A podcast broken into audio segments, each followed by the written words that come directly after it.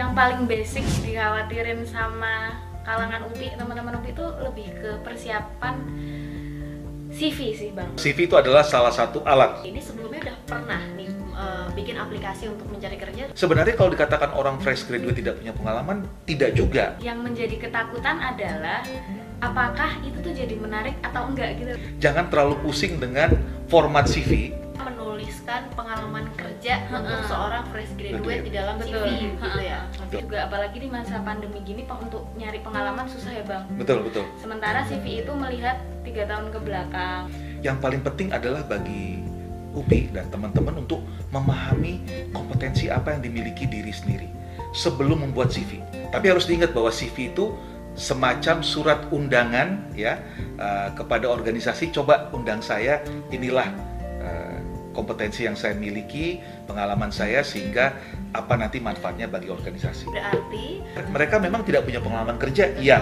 Pengalaman kerja yang dimaksud itu bukan melulu soal pekerjaan yang berbayar gitu ya for profit, tapi juga bisa dilihat pada saat di kampus kita Ya. kerja kelompok atau kepanitiaan. kepanitiaan. Jadi kita semua punya Nah, itu yang namanya transferable skill. Sangat dianjurkan untuk kita aktif di ke- dunia kemahasiswaan, organisasi untuk mempertajam transferable skill kita. Apa saja kemampuan menganalisa, mengkoordinir, eh, problem solving, komunikasi, Nah, dan itu bisa dijelaskan dalam CV dan juga Proses wawancara. suatu wawancara. Dan yang paling penting kalau dari sudut kita sebagai pencari kerja, kita mampu untuk memberikan eh, gambaran kepada perusahaan apa sebenarnya skill atau eh, kompetensi yang kita miliki yang memang dibutuhkan oleh perusahaan tersebut. Kesulitan utama adalah bagaimana seseorang itu memahami kompetensi apa yang dimiliki dirinya.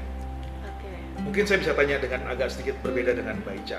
Kapan terakhir Mbak Ica medical check up misalnya?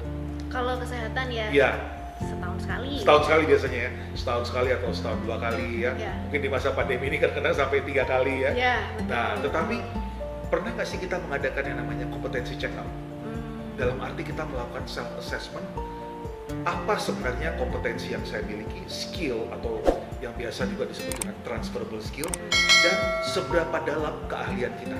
Eh, kadang juga ada orang yang termasuk mungkin saya ya, Iya. bukan tipe yang verbal dan bisa meluap-luap dalam eh, menjelaskan menjelaskan pencapaian pertanyaan. saya di depan Oke. banyak orang. Padahal kan kita harus jual diri ya bang. iya iya Apa betul. mungkin cara menjual dirinya yang salah atau Oke. gimana gitu.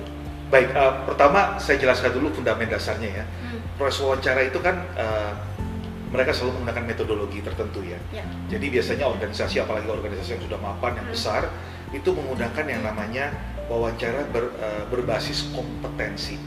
Ini dibedakan dengan wawancara yang bersifat tradisional. oke. Contoh paling gampangnya gini, kalau dalam wawancara tradisional tuh Mbak Ica ditanyakan apa pendapat Mbak Ica tentang kepemimpinan.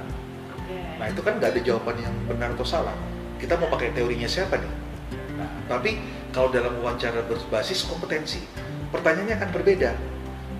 Bisa nggak Mbak Ica ceritakan ketika harus memimpin tim untuk melakukan monitoring? Hmm, Nah itu kan berbeda kan?